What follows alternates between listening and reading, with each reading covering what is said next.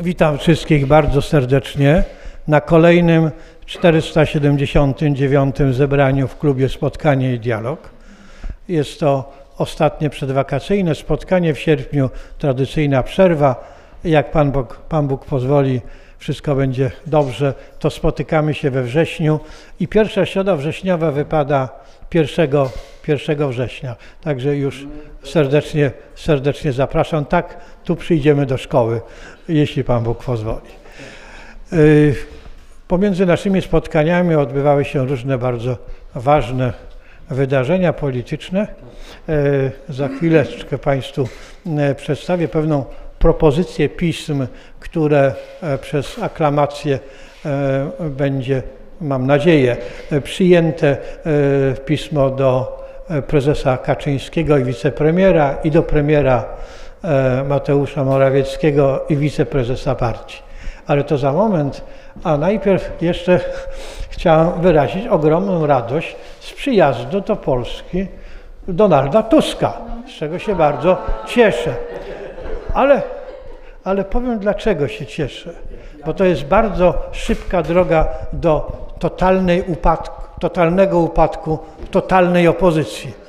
E, nikt tak zaszkodzić nie może jak Donald Tusk, więc tutaj własnej osobie, więc wobec tego wyrażam ogromną radość z jego przyjazdu do Polski.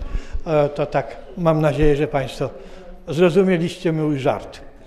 A teraz jest propozycja, e, którą nie ukrywam, e, nie ja wpadłem na pomysł, ale e, nasz przyjaciel profesor Sobiech.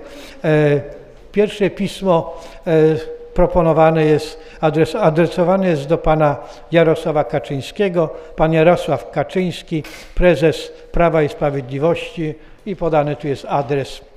Zebrani na 479. posiedzeniu klubu Spotkanie i Dialog składamy Panu przyjęte przez aklamację serdeczne gratulacje w związku z ponownym wyborem na funkcję prezesa Prawa i Sprawiedliwości. Dołączamy życzenia zdrowia i wszelkiej pomyślności. Jesteśmy przekonani, że harmonijny duet prezes, wiceprezes i premier, wicepremier dobrze przysłuży się Polsce w realizacji nowego projektu Polski Ład z wyrazami nadrzędnego szacunku i tu będą podpisy przedstawicieli naszego klubu. I podobne pismo adresowane do pan, Tadeusz, pan Mateusz Morawiecki, prezes Rady Ministrów, Kancelaria Prezesa Rady Ministrów i adres Zebrani na 479. posiedzeniu Klubu Spotkanie i Dialog składamy Panu przyjęte przez aklamację serdeczne gratulacje w związku z wyborem na funkcję wiceprezesa Prawa i Sprawiedliwości. Dołączamy życzenia zdrowia i wszelkiej pomyślności. I ten ostatni akapit, podobny jak do Jarosława Kaczyńskiego, jesteśmy przekonani, że harmonijny duet prezes, wiceprezes, premier, wicepremier dobrze przysłuży się Polsce w realizacji nowego projektu Polski Ład z wyrazami szacunku. E, czy Państwo przyjmujecie treść? Bardzo serdecznie dziękuję. To pismo będzie wkrótce e, wysłane. E, Mam nadzieję, że będzie jakaś zwrotna odpowiedź. Tak się spotkamy we wrześniu, to też oczywiście z przyjemnością Państwa będziemy mogli poinformować. Dziękuję bardzo. Witam Piotrze, e, nasz gość, ale i też stały bywalec. Już nie wiem od którego spotkania byłeś, ale to już, to już są setki, a nie dziesiątki. Ale Piotr też e, nie odmawia nigdy, jeśli poproszę go o wygłoszenie e, wykładu, prelekcji. I tak było zawsze. Dzisiaj zaprosiłem Piotra z wykładem wokół pandemii refleksje polityczne. Nie będziemy, e, tak jak obiecywał Piotr, e, nie wchodzimy w aspekty medyczne, bo e, w naszym gronie niewielu jest lekarzy. Ja nie mówię, że nie ma w ogóle lekarzy, są, ale myślę, że ten temat nie akurat nie nadaje się specjalnie do tego, żebyśmy w naszym gronie go omawiali z, z punktu widzenia medycznego. Natomiast niewątpliwie są związane z tym pewne zjawiska polityczne, socjologiczne i społeczne. I nie tylko dotyczące naszego kraju, ale tego, co się dzieje w świecie. I na tym się skupimy. Ale y, po wykładzie jest też i szansa i możliwość e, prowadzenia rozmowy i dyskusji, i polemiki. W naszym gronie e, mamy prawo różnić się, mamy prawo wypowiadać się, ale zawsze staramy się przestrzegać, że możemy e, krytykować pogląd, możemy krytykować e, punkt widzenia, ale zawsze z dużym szacunkiem do osoby, która nawet kontrowersyjne wypowiedzi ma. Więc staramy się trzymać pewnej formy etyki e, dyskusji. Dyskusja jest możliwa, do tej dyskusji zachęcam. Myślę, że w tak skomplikowanej sytuacji te zdania mogą być różne, ale e, mamy nadzieję, tak jak dotychczas zawsze było, zachowujemy pełną kulturę. E, jeszcze raz, Piotrze, witam Cię serdecznie, a teraz już ja kończę gadać.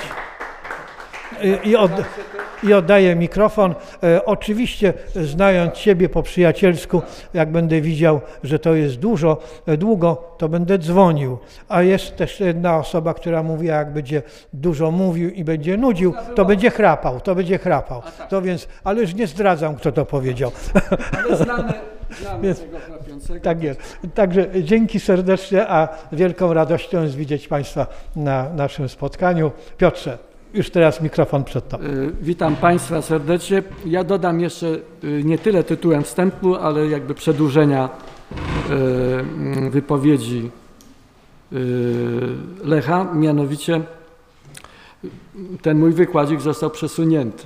On by troszkę inaczej brzmiał, troszkę inaczej brzmiałby choćby w ubiegłym miesiącu, ale ze względu na wydarzenia bieżące chodziło o nowy ład dla Polski. Przesunęliśmy to na dzisiejsze spotkanie. No i tu się tak szczęśliwie czy nieszczęśliwie zdarzyło, że mamy kolejne ciekawe wydarzenia, które by warto było komentować. No, przyjęliśmy tutaj y, z Lechem, że, że nie, nie będziemy to przesuwać na po wakacjach, tylko te refleksje zrobimy tak troszkę wakacyjnie, czyli właśnie dzisiaj. Y, Powiem od razu, tytuł jest dosyć enigmatyczny. Długo się zastanawiałem sam, a również z Lechem, jak to nazwać. Y, Bo chciałbym odstąpić od właśnie dyskusji, to co powiedział Lech, który dotyczy kwestii medycznej. Nie ruszamy tego problemu. Y, Za chwilkę powiem dlaczego. Y, I to nie tylko dlatego, że nie jestem fachowcem w dziedzinie, chociaż parę rzeczy na ten temat wiem, ale jest inny pogląd, inny powód raczej i o tym za chwilkę też powiem. Więc nie ruszamy spraw medycznych. Druga kwestia to, że będzie to wypowiedź do pewnego stopnia chaotyczna y, z mojej strony, być może nieuporządkowana. Bo jak Państwo się zorientują, poruszę bardzo nawet hasłowo kilka aspektów, które wiążą się z tą pandemią, a co do których, no tak bym to powiedział, nie mamy nie tyle rozeznania, ale pewnego rodzaju świadomości, że to też należy wiązać z tą sytuacją. I stąd no, jakby odważyłem się na to, żeby właśnie takie przedłożenie, co dzisiaj czynię, zrobić.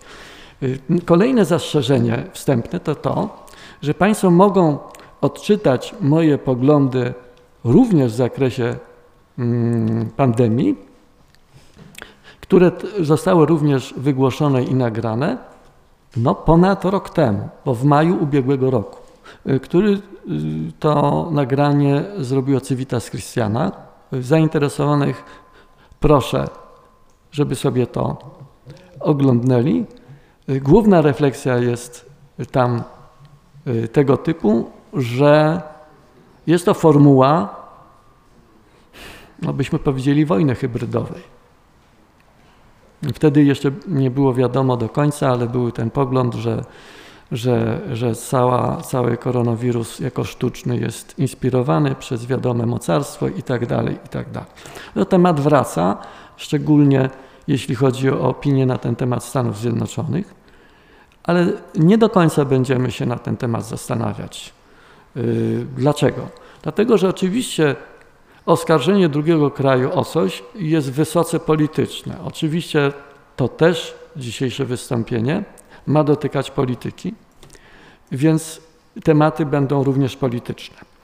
Ale już bardziej w kierunku wstępu dwie rzeczy.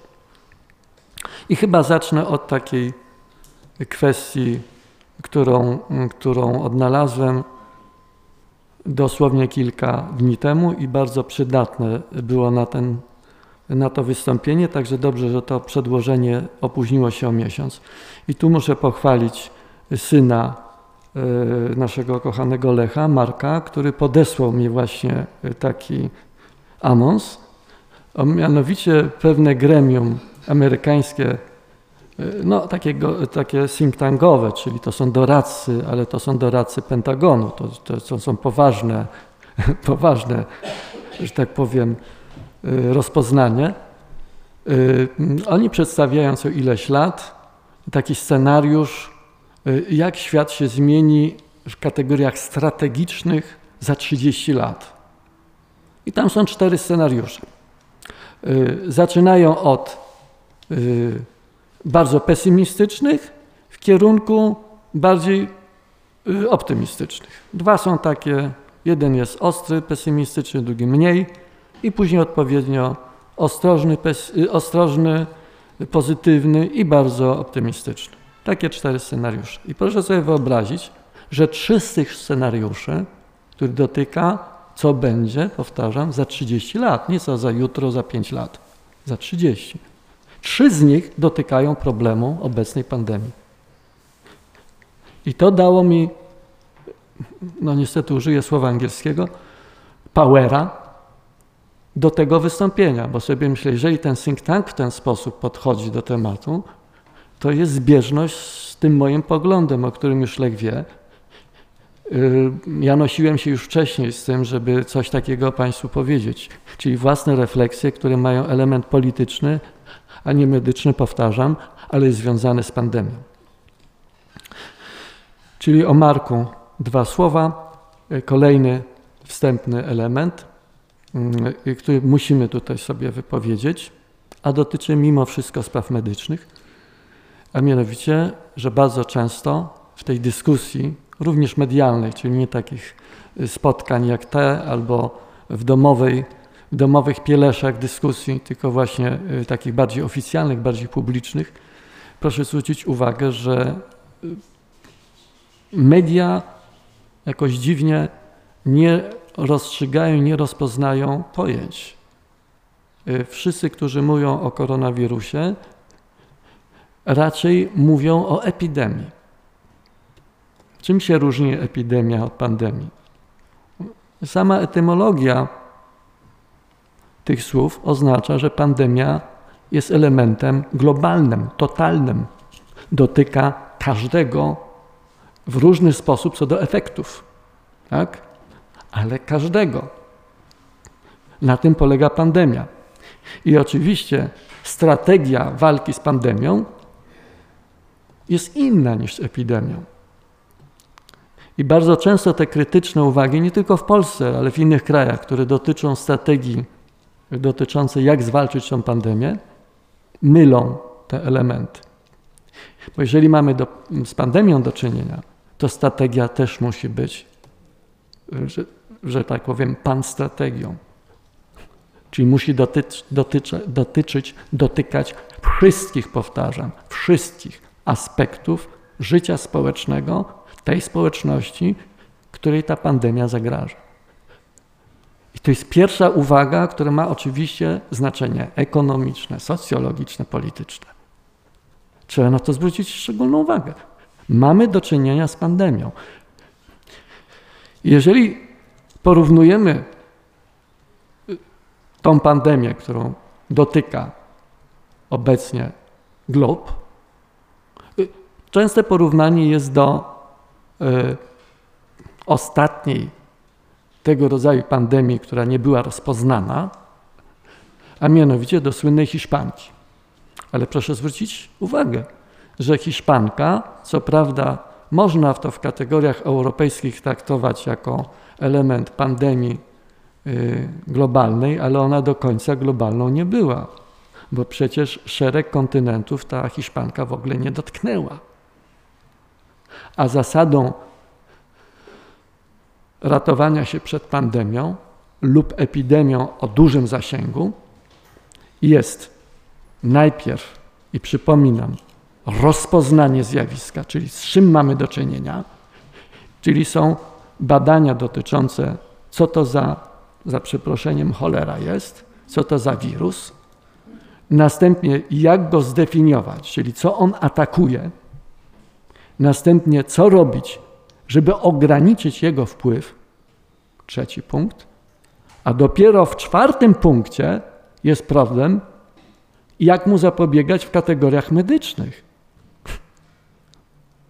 Proszę zwrócić uwagę, wszystkie media, jak tylko wybuchła ta pandemia, zaczęła od punktu czwartego. Dlaczego? To jest aspekt nie tylko medialny, ale aspekt socjologiczny. Bośmy się od tych pandemii, co? Odzwyczaili. Nie mieliśmy je przez całe dziesiątki lat. Jako społeczeństwo, generacja, przez ostatnie trzy generacje nie mieliśmy pandemii. Oczywiście mamy takie zjawiska jak HIV, prawda, który też ma zasięg globalny, czy w przypadku Afryki Ebola. Proszę zwrócić uwagę, to jest kolejny punkcik, mówię chaotycznie, ale zwracam na to uwagę. Czy teraz, kiedy mamy problem tak zwanej koronki, ktoś wspomina w kategoriach mediów powszechnych, nie mówię o polskich mediach, mówię ogólnie, o HIV-ie i eboli, a czy tej pandemii, czy tej epidemii, jakby zwał, tak zwał, nie ma? Czy ona została zwalczona? Oczywiście, że nie. Ja otrzymałem informację jakiś tydzień temu, że dzisiaj, czyli na tą chwilę, więcej ludzi umiera w kategoriach globalnych z powodów HIV-u niż z powodu koronawirusa. Czy to jest element propagandy, że podciągamy ten problem koronki, bo są, no taki pogląd jest i ja się z tym zgadzam, y, bo są oczywiście media, które odpowiednio są instruowane przez lobby farmaceutyczne? Oczywiście, że tak. To lobby farmaceutyczne gra tutaj pierwszorzędną rolę. Oczywiście, że tak. Ale klucz problemu jest gdzie indziej. Klucz problemu jest w tym, że dzisiaj przyjmuje się na dziś, że sobie z tą pandemią poradzimy. Natomiast w przypadku dwóch pozostałych jest milczenie. Bardzo znamienne milczenie.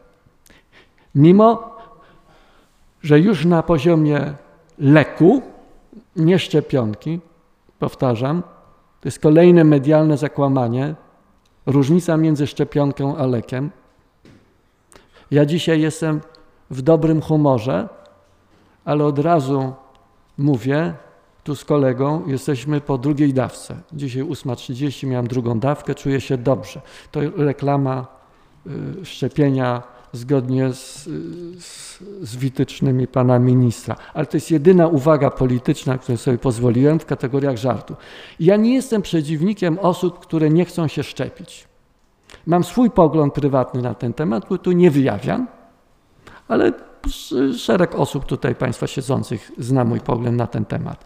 Powiedziałem, nie chcę wyrażać się na tematy medyczne w tej sprawie. Tylko polityka, socjologia, ekonomia. I teraz Wracając do tego problemu eboli i yy, HIV-u. No, jest to element wstydliwy, dotyka odpowiedzialności mocarstw, a zwłaszcza państw bogatych, które sobie z problemem nie poradziły, mimo że badania są już na tyle zaawansowane co do samego HIV-u, że można mówić o tym, że znajdujemy powoli lek w tym w tym aspekcie, ale jest milczenie. Dlaczego? Bo nie jesteśmy w stanie opanować w kategoriach globalnych tego zjawiska.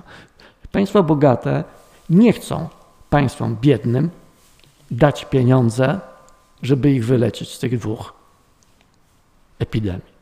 Taka jest prawda brutalna.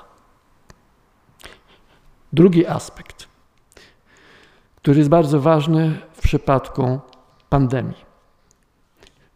Czym się nie tyle różni ta pandemia, ale okoliczności społeczne tej pandemii w stosunku do swoich poprzedników.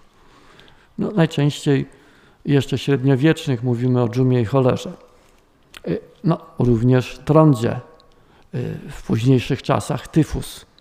Y, nie wiem, czy Państwo są świadomi, że w Polsce więcej osób w latach 1914-1921 zmarło na tyfus niż w wyniku działań wojennych, mimo że przecież u nas front przylatywał, a przeprowadziliśmy w tym czasie na ziemiach polskich cztery wojny. Czyli jakie były straty polskie w wyniku nieopanowania problemu tyfusu, już nie mówię o hiszpance i innych chorobach typu gruźlica i tak dalej. Choroby weneryczne, żeby była jasna sprawa. Y, wracając do pandemii. Podstawowym elementem różniącym nawet te czasy z okresu I wojny światowej, mimo przewalania się frontów i wojsk i ludności, dzisiaj mamy w sposób globalny element komunikacji. Tą komunikację rozumiem w różny sposób. Czyli jeżeli ja słucham sobie radia, to też się komunikuję, tylko w trybie medialnym. Jeżeli korzystam z Twittera, y, czy na przykład z Facebooka, ja akurat z Facebooka nie korzystam, ale gdyby, to też jest to formuła komunikacji. Co to znaczy? No, wymiana informacji. Jeżeli ja się przemieszczam turystycznie, a podobno podróże kształcą, to niezależnie po co się przemieszczam, to też jest forma komunikacji, a nie w zakresie przemieszczania się kołowego czy pieszego, tylko w zakresie poznawania informacji, zasobu informatycznego. Chodzę, patrzę, co się dzieje, o jaki ładny kwiatek, albo ta pani jest ładna lub brzydka. No to mówię, no to Włoszki są ładne. To jest jakaś informacja. Bo byłem we Włoszech i sprawdziłem to naocznie, nie tylko na filmie, na przykład. Oczywiście tu żartuję sobie, ale mamy do czynienia z globalną komunikacją, nie tylko w znaczeniu medialnym. I ta pandemia niejako wskoczyła na ten problem. Więc jeżeli podchodzimy do problemu pandemii, że jest to forma niemilitarnych działań o charakterze militarnym, tak to określę, przez wiadome mocarstwo, to w co ono uderza? A w ten aspekt, w którym to mocarstwo ma sposób zapewnionego bezpieczeństwa. Bo jest to mocarstwo hermetycznie zamknięte, jeśli chodzi o element komunikacji. I bardzo łatwo uderzyć w pozostałych, czyli potraktować jako intensywność komunikacji społecznej, intensywność komunikacji fizycznej jako słabość pozostałych państw. Proszę zwrócić uwagę, że dzisiaj w kategoriach militarnych również się bierze te aspekty pod uwagę.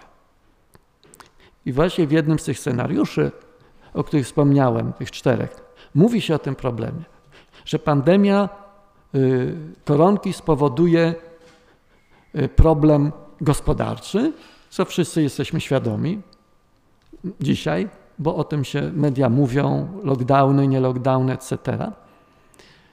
Dwa, że zaburzy to element y, komunikacji, czyli przepływu, przepływu ekonomicznego, bo przecież dzisiaj mamy przepływ towarów, że, że to, ta globalizacja gospodarki ulegnie zahamowaniu, bo pandemia spowoduje pewną ostrożność w tym aspekcie. Y, no, można powiedzieć, komu to służy, komu to nie służy.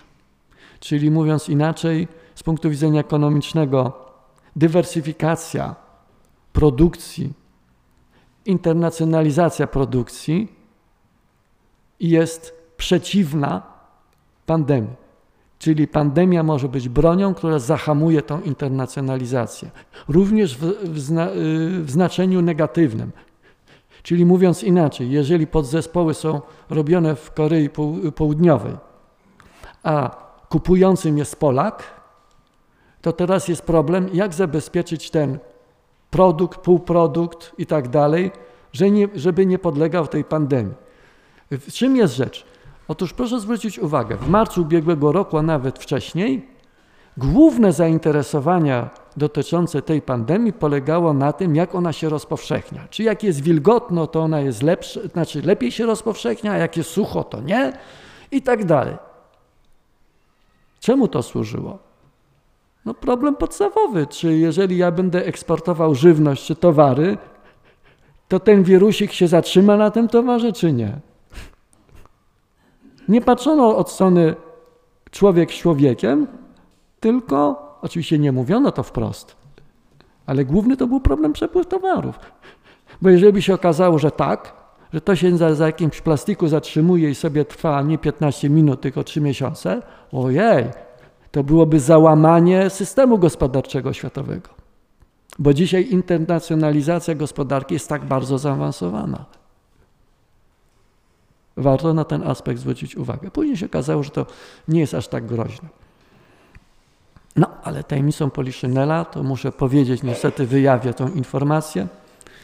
To podały źródła amerykańskie, które oczywiście z wiadomych względów Chińczyków nie lubią. I powiedzieli, że laboratoria chińskie, oczywiście czytaj wojskowe, to jest koronka. Mają 18 takich wirusów już zrobionych, a nad dalszymi pracują. I teraz drobna uwaga o charakterze wojskowym. No i żeby porównać. Wszyscy wiemy, że wspomniane już przeze mnie mocarstwo dysponuje bronią neutronową. No, mniej więcej Państwo wiedzą, czym się różni bomba neutronowa od bomby atomowej konwencjonalnej. Moje pytanie retoryczne: czy kiedykolwiek ktoś użył bomby neutronowej? Nie. Bomba neutronowa jest mniej więcej od lat 75. Mamy rok 2020. Ale próby były. A próby są zawsze. Ale czy użyto? Nie. Czy to oznacza, w cudzysłowie, że nie powinniśmy, może nie my, ale w ogóle, że świat nie powinien się bać bomby neutronowej?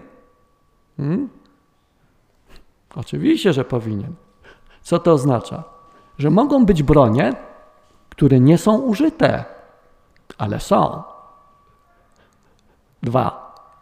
Te bronie mogą być ujawnione tylko po to, żeby przestraszyć. To zrobili z bombą neutronową Amerykanie. W ten sposób przestraszyli w sposób skuteczny Związek Radziecki. Tak? Jeżeli na ten aspekt spojrzymy, to tą koronkę zupełnie inaczej widać, bo koronka wystraszyła wszystkich. A kogo najmniej? Odpowiedzcie sobie Państwo sami. Więc jeżeli spojrzymy na obecną pandemię jako element prowadzenia swoistej walki środkami niemilitarnymi, o, to tu dużo ciekawostek nam się pojawi.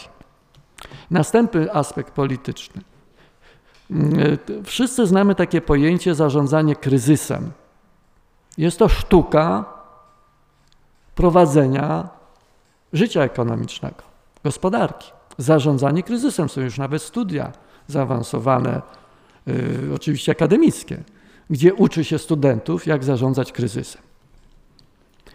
No, sposób wychodzenia z pandemii określonych państw, nie tylko Polski, jest też sztuką zarządzania kryzysem. Powiem uczciwie, że Polska nie należy do najgorszych w tym względzie. Nie należy. Są kraje o wiele bogatsze od nas, które dysponują zdecydowanie większymi możliwościami finansowymi, technologicznymi, które z tym sobie poradziły gorzej. Jednym z tych krajów jest Wielka Brytania, która przecież poziomem technologicznym i gospodarczym góruje nad Polską. Do czego tutaj zmierzam? A mianowicie I kolejny, może nie przekłamanie to za mocne słowo, ale taka manipulacja medialna, bym tak powiedział. Y, ta manipulacja medialna polega na tym, że podaje się informacje bardzo często, pomijając wtedy, kiedy się w ogóle manipuluje wybiórczą informacją, ale ja zakładam dobrą wolę i zakładam, że y, te informacje, które są podawane, y, są autentycznie prawdziwe. Są autentyczne. Dowcip polega na tym, że te informacje, aczkolwiek prawdziwe, dotyczą innych społeczeństw, które organizacja tych społeczeństw, mentalność tych społeczeństw, poziom życia i tak dalej, zorganizowania i zupełnie innych w Polsce. I w związku z tym przykładów z tych państw nie można dać jako porównanie do Polski. I na tym polega manipulacja. I podam Państwu przykłady. Pierwszy przykład. Singapur Parę miesięcy jest informacja, że ten Singapur, który tam człowiek na człowieku prawie e, mieszka, w cudzysłowie, mały kraj, ogromne zagęszczenie, poradził sobie z pandemią dosyć szybko. A my nie możemy sobie poradzić, mówię o Polsce. Czytam informację z dzisiejszego dnia. W Singapurze więcej zakażeń. Nie jest podane o ile więcej. Ja nie zakładam, bo tym Singapurczykom dobrze życzę. Więc nie zakładam, że to jest jakaś dramatyczna liczba wzrostowa. Ale to znaczy, że nie jest tak, jak mówiono jeszcze parę miesięcy temu, że oni sobie poradzili. Mają tą pandemię nadal, tylko może zdecydowanie mniejszą niż gdzie indziej. I jeżeli ja to porównam z krajami sąsiednimi dla Singapuru, to znakomicie ten Singapur się wyróżnia w stosunku do tych krajów. Teraz kolejna aluzja z innego tematu. A mianowicie mamy kolejne wersje koronki.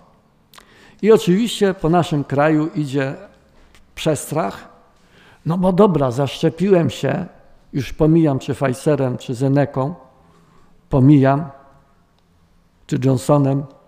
Dobra, zaszczepiłem się, no ale na tą podstawową wersję wirusa.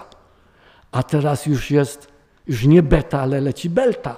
A ja już słyszę, a teraz, no właśnie chcę powiedzieć, a teraz jaka delta? Delta plus, a już lambda. No i tak dalej. No to od razu jedzie temat, jak się zaszczepiłem, to, to nie, to głupi jestem, bo albo będę musiał się zaszczepić po raz kolejny na tą deltę, lambdę, etc., albo grozi mnie i tak yy, posiadanie koronki. ja od razu, ja wiem, że teraz lekko tutaj sobie żartuję, ale dlaczego sobie żartuję?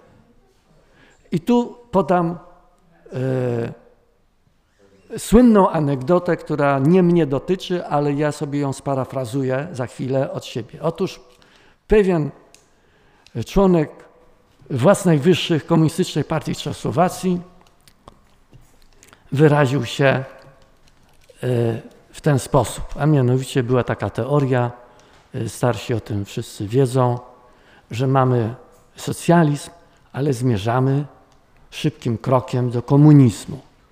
I oczywiście za czasów Breżnina stwierdzono, no oczywiście ten komunizm pierwszy będzie gdzie? W Związku Radzieckim, ale teraz jest pytanie, kto będzie następny w tej kolejce najlepszego po Wielkim Bracie. No i tu była rywalizacja. I Czechosłowacy wcześniej uważali, że na nich kolej, oni będą tymi drugimi. My oczywiście w szarym końcu z Węgrami, ale Czesi będą lepsi. Może enerdowcy po starej tradycji pruskiej też, ale Czechosłowacy. I jeden z członków Komitetu Centralnego w rozmowach moskiewskich i mówią, no to róbcie coś, e, zmierzajcie ku temu komunizmowi, zmieńcie konstytucję już z państwa takiego socjalistycznego na coś lepszego i tak dalej. Y, jeden z tych członków komitetu powiedział, że on jest za. A on mówi, co ty tak od razu, że jesteś za? A on mówi, ja mam raka. Czyli jestem tym szczęśliwym, że nie dożyję tego komunizmu, więc jestem za. I tutaj wracając do siebie, mówię tak, ja mogę sobie żartować, bo ja już koronę przeszedłem.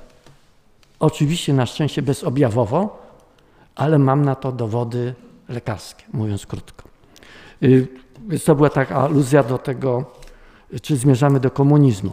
Y, teraz wracając do, do konkretnego y, tematu. Otóż pandemia ma to do siebie, że ma multiplikację w odróżnieniu od epidemii. Więc jest normalną rzeczą, że będą kolejne wersje tego wirusa.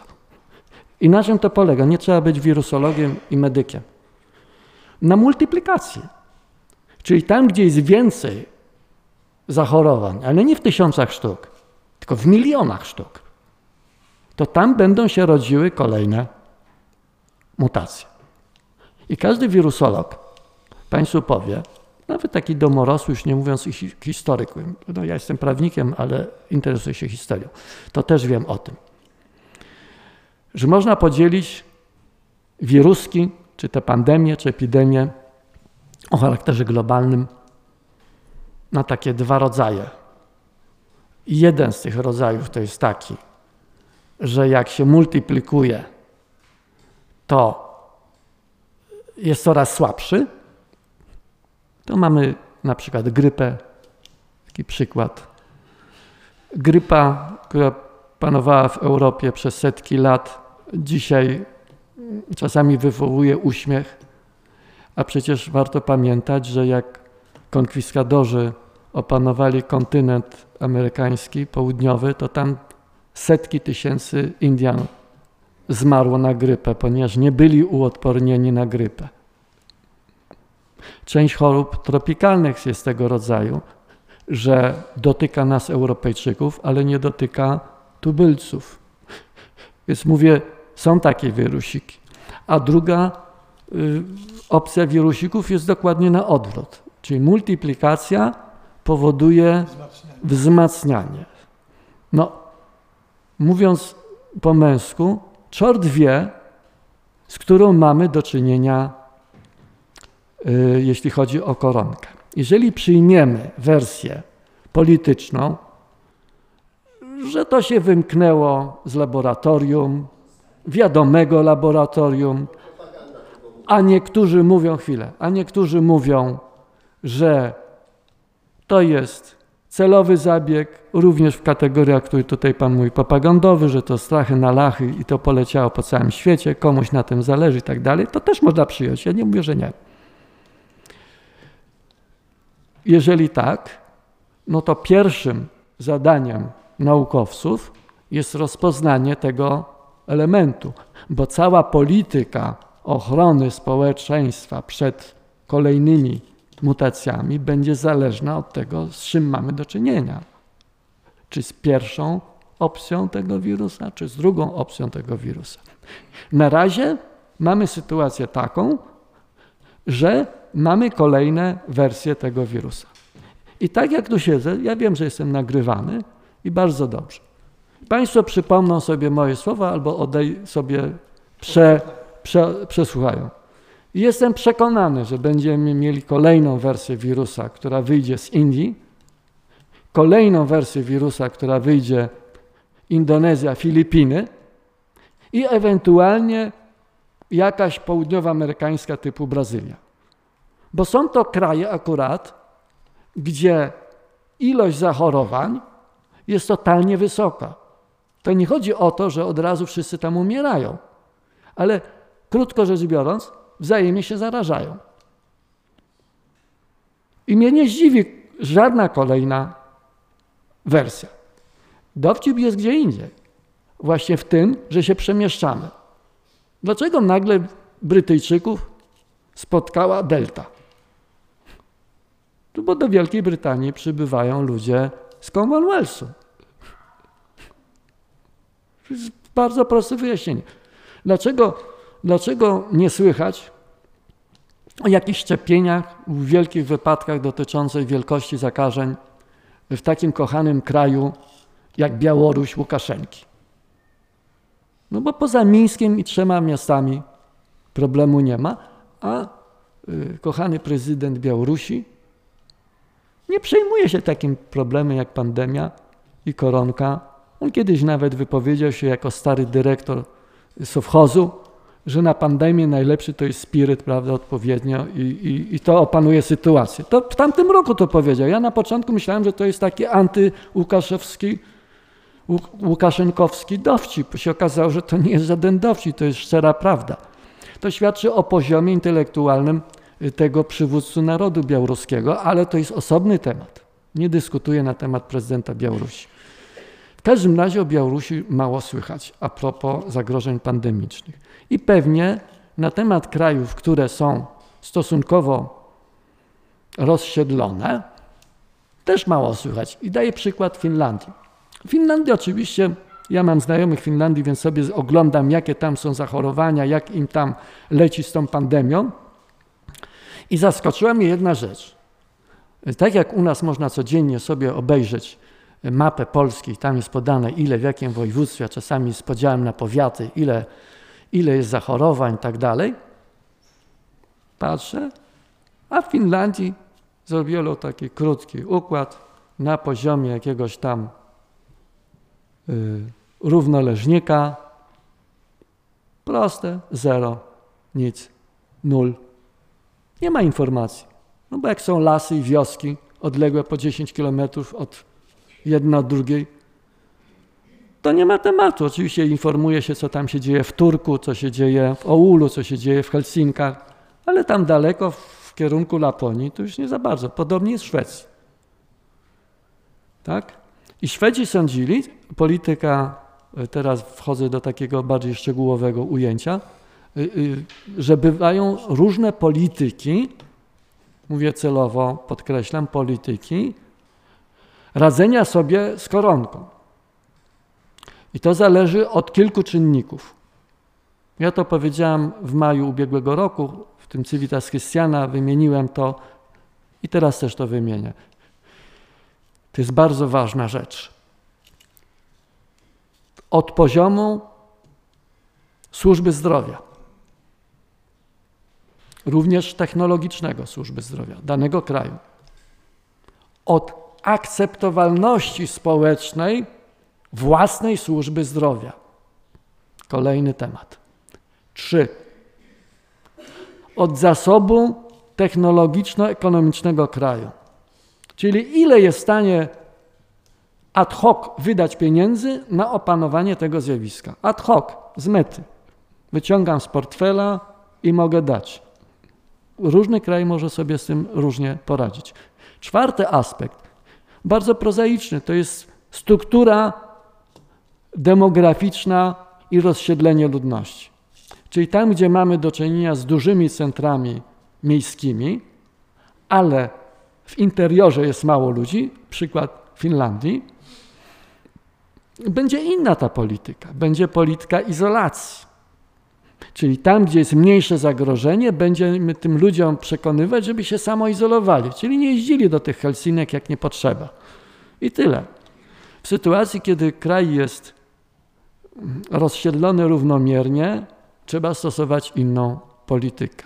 W ostateczności jakieś tam lockdowny, czyli wyłączanie całych obszarów gospodarczych z obiegu komunikacji, ale w tym wypadku nie chodzi o komunikację, czyli przemieszczania się ludzi, tylko przemieszczania się gospodarki. Mówimy cały czas o tych półproduktach, etc., ale w kategoriach danego kraju. No i tutaj są różne opcje. My jesteśmy średnim krajem i nie pytałem pana Mateusza Morawieckiego, mógłbym zapytać, czy w ramach tej grupy eksperckiej, która nam doradzała jeszcze w marcu, y, przyjęto jakieś paralele do innych krajów? Czyli z kogośmy skorzystali, który wcześniej miał tą pandemię, czy wcześniej się zaczął interesować, y, no nazwijmy, obostrzeniami związane z pandemią. Moje wrażenie jest takie, że myśmy skorzystali z rozwiązania francuskiego, z jakimiś modyfikacjami. Dlatego, że mniej więcej od strony y, demograficznej, czyli rozmieszczenia ludności, mamy podobne zjawisko. Czyli mamy y, pewnego rodzaju y, wielkości miast dużych, z dużą aglomeracją warszawską, stolicą, ale mamy też tereny gdzie tego zagęszczenia jest mniej. No jeżeli rozwiązaliśmy to na zasadzie małpy, w co nie wierzę, no to popełniliśmy jeden błąd. Jeżeli mam rację, to miałbym dowód na to. Ja mówię, jeżeli miałbym rację, bo ja nie wiem. Gdybam. To, co zdarzyło się na Górnym Śląsku. Francja nie ma takiego obszaru. Ma aglomerację paryską, oczywiście zdecydowanie większą niż nasza aglomeracja warszawska, ale y, ona uchodzi za ten element centralny, czyli tak samo jak Warszawa, y, wielu ludzi dojeżdża do pracy spoza Warszawy do Warszawy celem pracy. I, I, to są ludzie, którzy potencjalnie mogą cały czas y, multiplikować tą koronkę w sposób bezwiedny, bo wiemy oczywiście, że korona się ujawnia po jakimś czasie. To jest specyfika tej korony, dosyć perfidna. Nazwałbym to tak od strony medycznej. Czyli ja się dowiaduję grubo po fakcie, że zarażam innych na przykład. I tyle. Więc tutaj, więc być może z modyfikacjami. Y, myśmy przyjęli według mnie wersję ostrożnościową, to znaczy taką, że jesteśmy krajem, i nie bójmy się tego słowa, który ma słabą służbę zdrowia, który ma generalnie niewydolną służbę zdrowia, która z powodów społecznych, jako państwo, nie może sobie pozwolić na to, co pozwoliły sobie Włochy czy Czechy, a mianowicie czy Słowacja, na wprowadzenie stanu wyjątkowego. Bo mamy w tle złą tradycję stanu wojennego. Czyli gdyby władza wprowadziła stan wyjątkowy w związku z, yy, z pandemią, wiemy, co by zrobiła opozycja. Byłaby to klęska medialna sfery rządowej. Nie bójmy się tego słowa. Ale coś jest za coś. Jeżeli nie zrobiliśmy stanu wyjątkowego, to pojawiają się nie bez słuszności poglądy, ja to wyraziłem również publicznie, który teraz się e, ujawnia w sposób taki skrajny, w jedną, w drugą stronę, a mianowicie, no tak, nawet tutaj na tej sali zadano mi takie pytanie, chwileczkę, ale czy my mamy do czynienia z dobrowolnymi szczepieniami czy przymusowymi? Przecież ten temat się pojawia i słusznie, że społeczeństwo się pyta. Ludzie się pytają. W przypadku stanu wyjątkowego w ogóle problemu nie ma. Bo wprowadzono, bo wprowadzono stan wyjątkowy, konstytucyjnie dopuszczalny i koniec. My cały czas się opieramy o ustawę, oczywiście ustawę, czyli tutaj opozycja łże, że to jest, że wprowadzanie obostrzeń epidemicznych jest niezgodne z prawem. To jest absolutne kłamstwo, ponieważ jest ustawa, zresztą zrobiona ustawa w czasach, kiedy PiS nie rządził tylko właśnie ta opozycja. Na inną okoliczność, co prawda, ale te wszystkie elementy związane z możliwościami yy, obostrzeń zostały tam ujęte, tylko one są ujęte w jakim aspekcie? Epidemii, a nie pandemii. Epidemii, tu jest racja. A mianowicie, nie w, te obostrzenia nie w skali całego kraju, tylko w skali środowiska zagrożonego epidemią. I tu jest pewna kwestia. No bo wprowadzenie lockdownu według gałęzi gospodarki już jest, element, jest elementem problematycznym. Czy to jest zgodne z tą ustawą, z którą stosujemy, czy nie. Więc tu są pewne rzeczy na pograniczu prawa. Ja jako prawnik mówię i no powiedzmy ustrojowiec, to mówię to Państwu wprost, że tu są, tu są yy, wątpliwości natury prawnej. Nie ukrywam tego. Ale żeby bronić rządu pana Mateusza Mazowieckiego, yy, pana, przepraszam, Mateusza Morawieckiego. Czytam dzisiaj, że Francja zastanawia się, nad wprowadzeniem ustawowym przymusu szczepień. Drobne pytanie do Państwa. Czy Państwo tę informację gdziekolwiek w mediach polskich słyszeli? Nie. We Francji jest to opublikowane. Dlaczego tak jest? A dotykamy kolejnego aspektu, a mianowicie wydolności społecznej i odpowiedzialności społecznej. Tam, gdzie mamy do czynienia zdyscyplinowanymi społeczeństwami, i do, do nich należą Skandynawowie czy Duńczycy. Tam można było sobie wprowadzić zasadę, kto się chce izolować, niech się izoluje. I rząd to powiedział wprost. Oczywiście rząd duński później musiał odszczekać to, bo nie wziął pod uwagę jednej, jednego aspektu, o którym za chwilę. To samo w Szwecji. Oni przegrali medialnie sprawę, ponieważ uwierzyli w samodyscyplinę społeczną Szwedów czy Duńczyków. Pięknie, mieli rację, tylko mają do czynienia co najmniej z kilkuset tysiącami ludzi, którzy Szwedami i Duńczykami nie są, którzy samodyscypliny nigdy się nie nauczyli, którzy kulturowo nie należą do tego społeczeństwa. I niestety są to ludzie, którzy mieszkają w dużych miastach. W dużych, ogromnych aglomeracjach typu Malmo, Göteborg, czy Sztokholm, czy Kopenhaga. I co się okazało? Duńczycy, rozmawiałem z Polką, zdanie.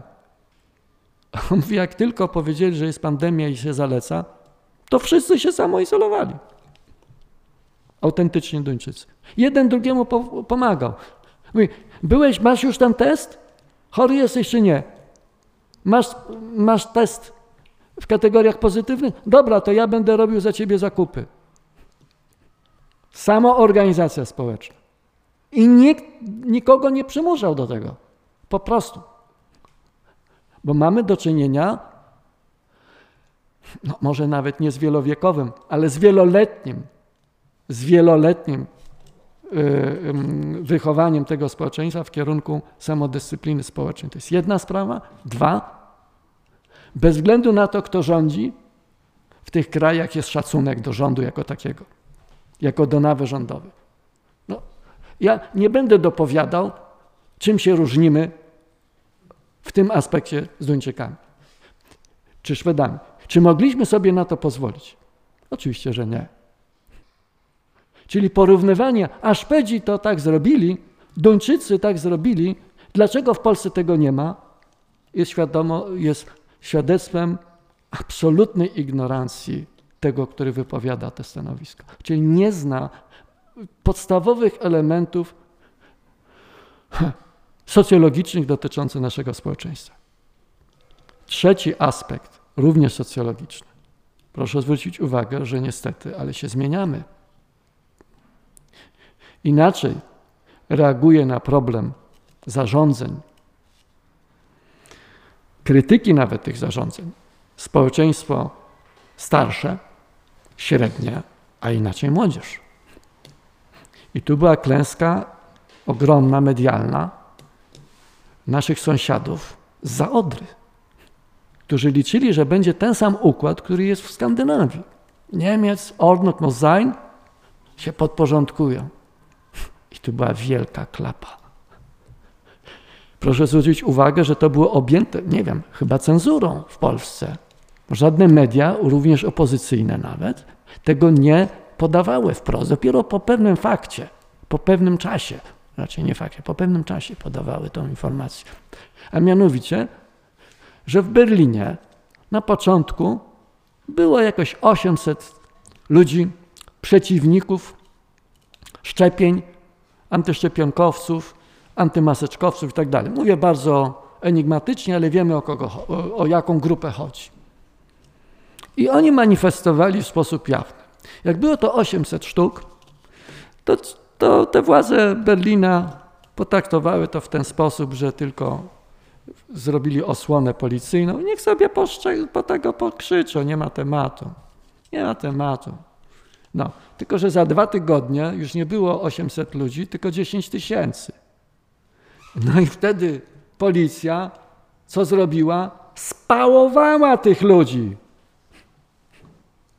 Demokratyczna Republika Federalna spałowała na oczach całej ludzkości. To znaczy, w mediach to było podane i tak dalej. Czy Państwo widzieli to w, naszych mediach? Nie. A opozycja wrzeszczała, u nas jest ten zamordyzm, te są nielegalne, te obostrzenia i tak dalej, wszystko stracimy i tak dalej. Sposób zachowania czy egzekucji prawa. Egzekucji prawa, czyli krótko rzecz biorąc, yy, polski rząd, mimo określonych instrumentów prawnych, ich do końca nie wykorzystał. Nie dlatego, że był bezsilny, tylko bał się reakcji społecznej. Warto o tym pamiętać. Y, podawałem przykłady. Kolejny temat, kolejna kwestia. Zarządzanie, powiedziałem, zarządzanie kryzysem. Ja wyraziłem takie zdanie no ponad rok temu,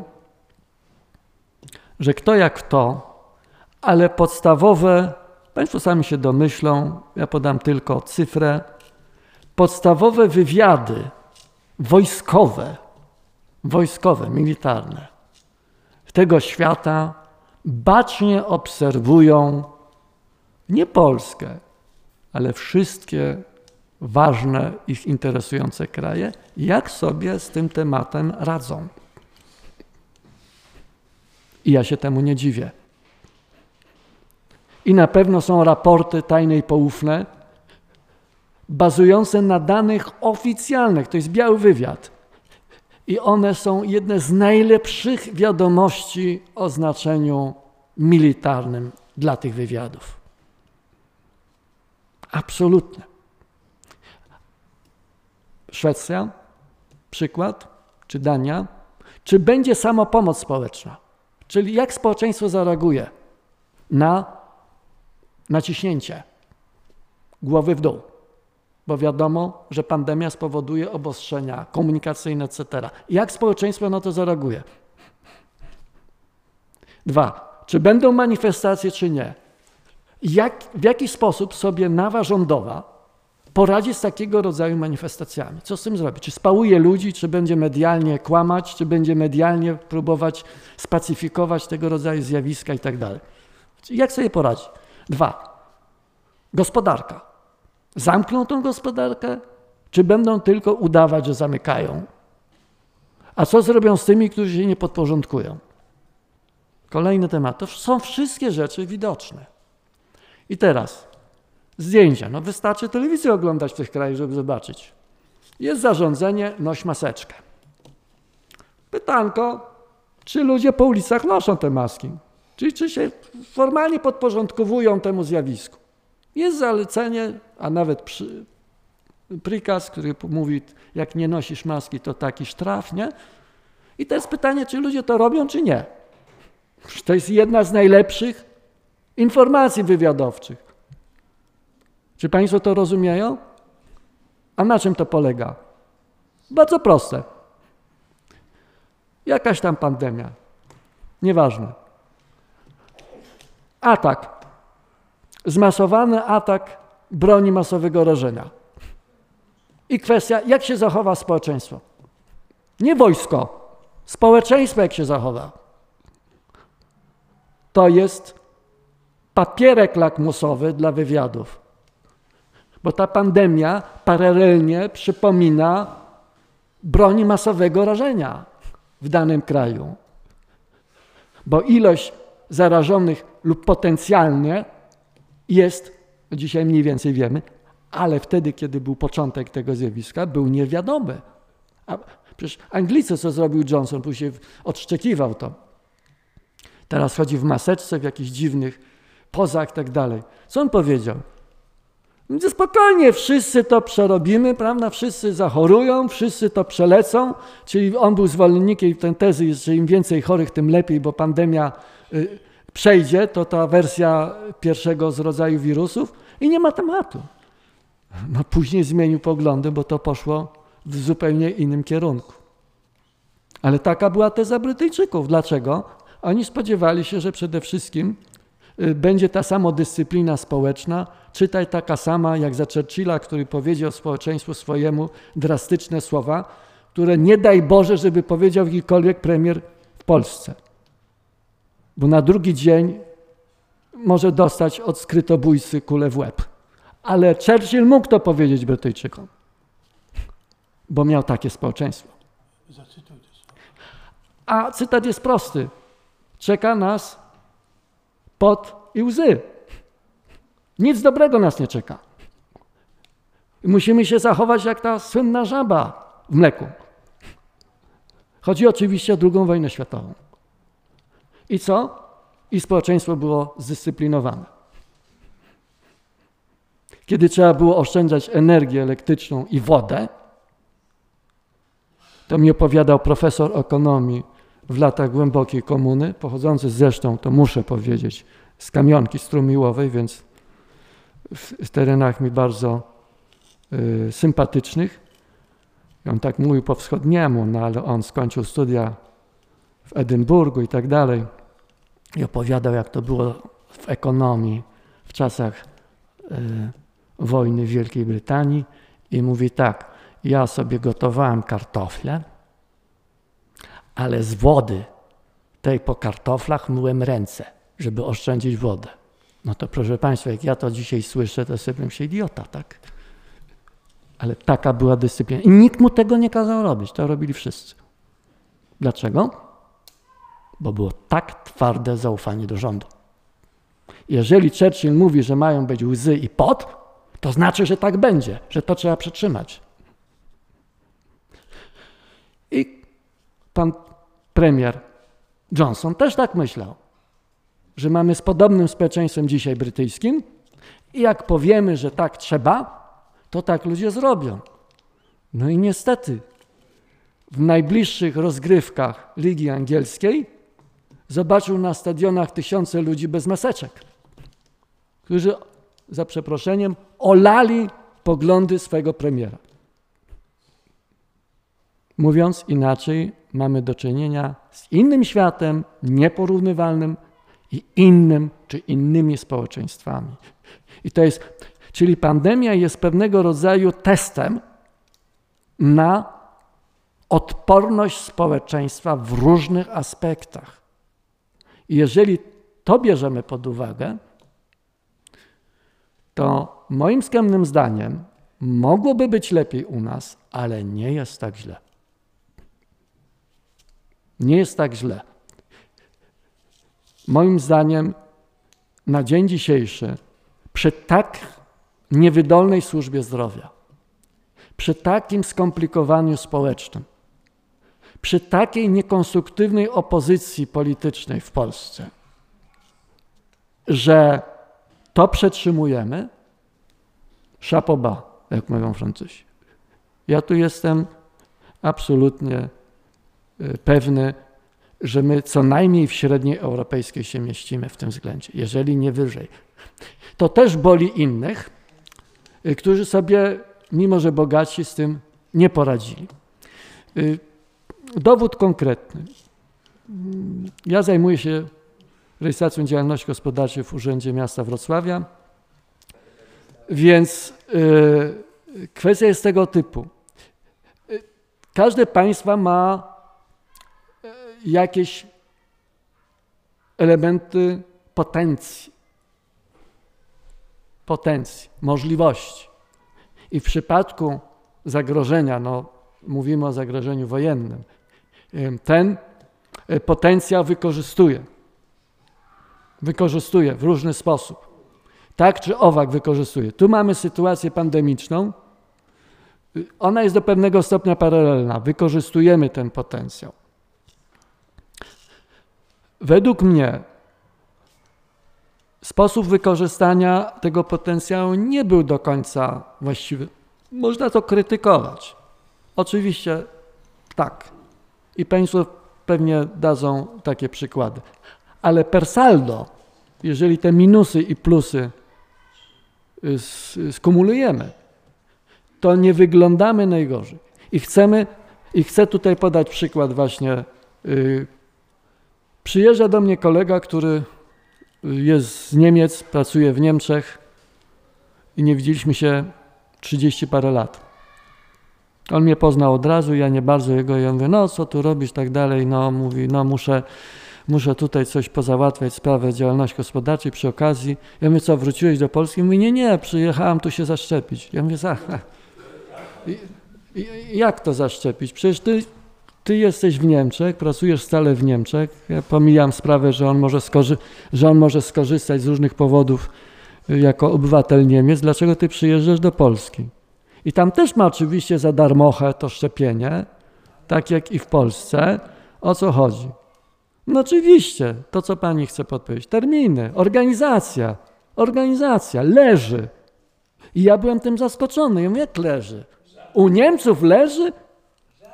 A on mówi, tak, jakbym poszedł prywatnie i zapłacił, to oczywiście Niemiec na wyrywki. A tak to są ludzie niedouczeni. Ja mówię, jak niedouczeni? Służba zdrowia w Niemczech? Ja mówię, tak. Tam douczeni to są ci, którzy są z Polski. A reszta towarzycha nie. Oni sobie z tym nie radzą.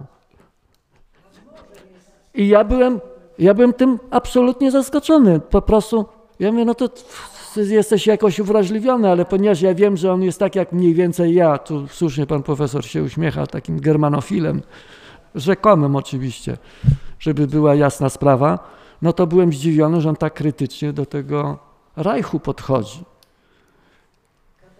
I to mnie troszkę zaskoczyło. Coś w tym jest. Ja mam mnóstwo osób, które przychodzą do mnie, bo też się zajmuje moja grupa, mój dział zajmuje się profilami, yy, profilem zaufanym, potwierdzeniem profilu zaufanego. I teraz mam bardzo ciekawe ćwiczenia językowe, dlatego że przychodzi mnóstwo obcokrajowców, czasami z bardzo egzotycznych krajów, yy, po to założyć profil zaufany, żeby ze względu na to, tu jest strzelone, strzelony błąd totalny, żeby sobie zarejestrować e-pacjenta i móc sobie później dysponować dokumentem szczepieniowym, tak? I to dotyczy no, w połowie, znaczy inaczej. Ci ludzie, którzy to robią z tego powodu, czyli robią sobie ten profil zaufany z tego powodu, to jeżeli bym procentowo to policzył na przykładzie Wrocławia, to mniej więcej połowa tych ludzi to są obywatele polscy, a druga grupa, drugie 50% to są obcy. Ale w ramach tej obcej 50 mniej więcej połowa, i to jest dla mnie zaskoczenie, to są obywatele Unii Europejskiej. I to wcale nie biednych krajów. I to mnie zaskoczyło. Ja mówię, no dlaczego się pan, pani nie szczepi we Włoszech, czy tam w Anglii, ale już nie mówiąc o Stanach Zjednoczonych. I odpowiedź była dla mnie zaskakująca bo tu jest szybciej i lepiej. Bo przede wszystkim mam możliwość wyboru szczepionki. Ja byłem tym zaskoczony. Nie wiem, czy tak jest na dzień dzisiejszy, szczerze. Czy tak jest, tego nie wiem. Ale to mi powiedzieli po prostu ludzie. No, pomijam oczywiście innych studentów i tak dalej, y, egzotycznych nawet z Azerbejdżanu, y, przyjemny pan z Bahrajnu, Jordanii i takie Singapur, oczywiście nie o Chińczykach ludowych i tak dalej. Ale to jest taka ciekawostka dla Państwa. W każdym razie, jeżeli inni nas postrzegają, no, jakby nie mówić pozytywnie, to ja się pytam, to dlaczego tam jest tak? Nie, w tych krajach tak źle z tą pandemią. I tu jest jedna uwaga to nie chodzi, że jest źle w kategoriach sprawy medycznej, bo jestem przekonany, że jest tam lepiej. Dokładnie. Organizacja, problem odpowiedzialności. Także tu trzeba pochwalić rząd i to jest jedyna uwaga absolutna, pozytywna, której będę bronił jak niepodległości. Odpowiedzialności naszego rządu za ten problem. Mimo, że jest krytyka tego i są błędy, Oczywiście, są błędy, ale problem odpowiedzialności.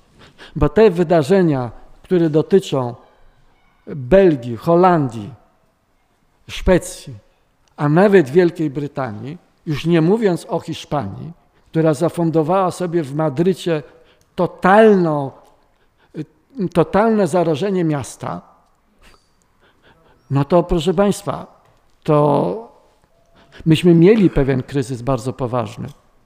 I być może dopiero historia pokaże, jak on był poważny. To był problem Górnego Śląska. To było naprawdę na granicy, na włosku to leżało. Bo Państwo sobie nie zdają sprawy, ile ludzi dziennie dojeżdża do pracy w ramach aglomeracji górnośląskiej. To był problem. Zrobienie lockdownu na Górnym Śląsku to byłaby klęska gospodarcza Polska. Tylko gdybyśmy to tam zrobili. I próbowano z tego wyjść jakimś obronną ręką. Udało się w ten sposób, że zaczęliśmy z helikopterami, gdzie godzina, godzina takiego lotu helikoptera to jest 80 tysięcy złotych, przemieszczać ludzi chorych do innych szpitali z Górnego Śląska. Do tego doszliśmy. Więc według mnie był to absolutny dramat, który pewnie y, y, koszty, koszty tego dramatu z Górnym Śląskiem po pandemii, to myślę, że poznamy dopiero za ileś lat. Na razie się to o tym nie mówi, dlatego że mamy dalej pandemię i nie wiadomo co dalej. Dobrze, na razie, na razie kończę na tym, chociaż mam jeszcze inne tutaj elementy, ale może to wyjdzie w pytaniach lub w dopowiedzi. Bardzo serdecznie dziękuję Ci, Piotrze. Otrzymaliśmy y, zupełnie inną dawkę y, informacji i wiedzy na ten temat, niż generalnie się to słyszy w mediach, tych naszych i nie naszych, y, gdzie na pewne elementy nie zwracano uwagi. Ten element socjologiczny, a także nawet to, co powiedziałeś, że e, ta obserwacja tych wszystkich rzeczy, które się dzieje w krajach, jest to znakomita informacja wywiadowcza, która będzie opisywała społeczeństwo. Przepraszam, Przy... nie podałem cztery wywiady. Cztery wywiady, żeby Państwo wiedzieli. Cztery wywiady na pewno dokumentują sobie w kategoriach globalnych to zjawisko. A Państwo sobie wyliczą, kto jest zainteresowany. Myślę, że Państwo sami na to wpadną. Już są osoby, które się zgłaszają i tak jak mówiłem, jest czas na, e, na zadawanie pytań, czy nawet wygłoszenie e, pewnych własnych e, sądów myśli. Jest tylko ogromna prośba. Przy, uprzywilejowany był tylko nasz dzisiejszy prelegent, który mówił i tak jak Państwo zauważyliście, nawet nie przeszkadzałem i nie prosiłem o skrócenie, bo rzeczywiście z całym uznaniem, Piotrze, z wielkim zainteresowaniem tego czyta, słuchałem. Ale od Państwa będę wymagał bardzo zwięzłej i krótkiej wypowiedzi. Tego przywileju niestety z przykrością to powiem Państwo nie macie. Ja jeszcze e, proponuję tak? apel, żebyśmy nie ruszali spraw medycznych. Dobrze? E, Poru nie poruszamy tego kwestii, tej kwestii. Tak. tak. Okej, okay. teraz przekazuję E, przedstawiciel świata szacunkiem. medycyny.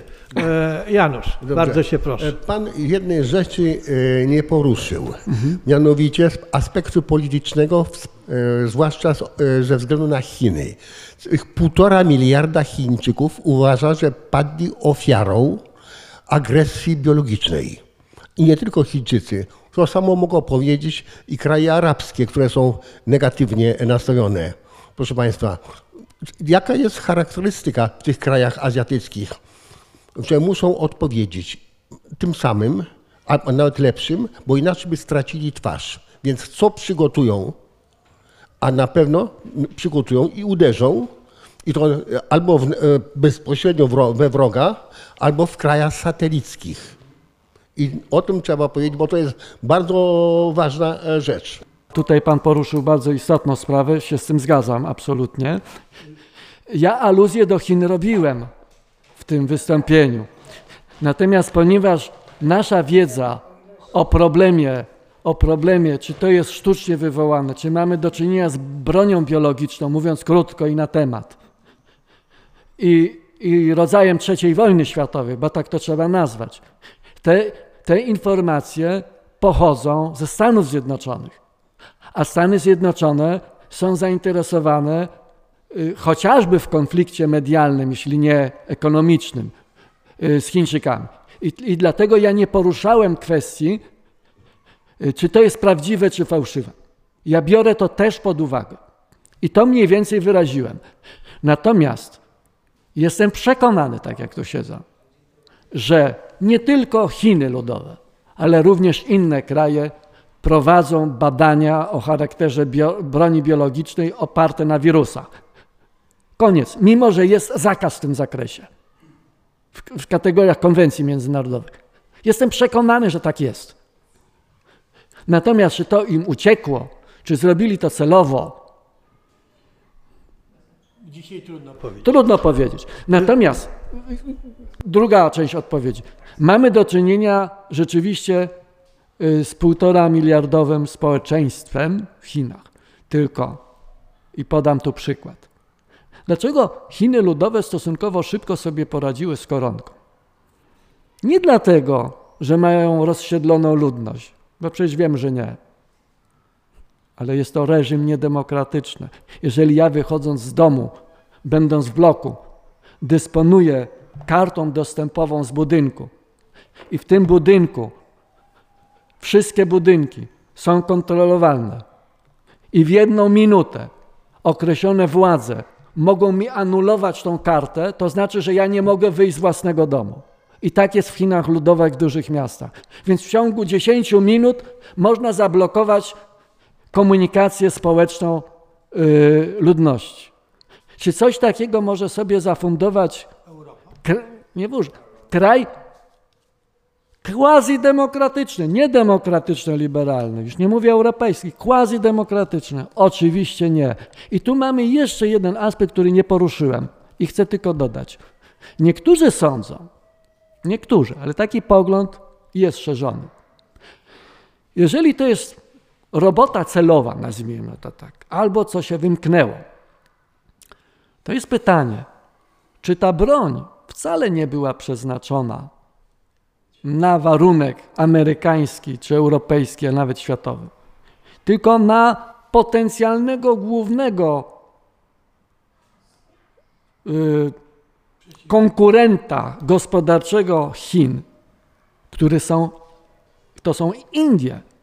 Indie, które w tej chwili mają więcej mieszkańców niż Chińczycy, a reżim absolutnie inny niż Chiny. Jeżeli Chiny sobie brały to pod... Przyjmujmy, po, po, ja tu gdybam oczywiście, wirtualnie wręcz.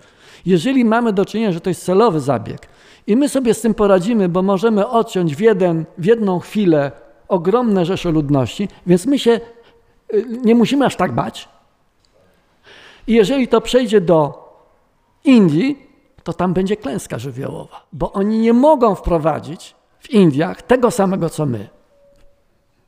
Tak może być, że to jest sposób, y, sposób wyliczenia słabych punktów przeciwnika. Tak też może być. Taka teza też się pojawia. I tyle może na ten temat. Tu dużo wątków można by było jeszcze. Słuszna uwaga dotycząca państw arabskich. To tylko tyle. Dziękuję bardzo. Y, Pan Michał Chwilecki, bardzo proszę.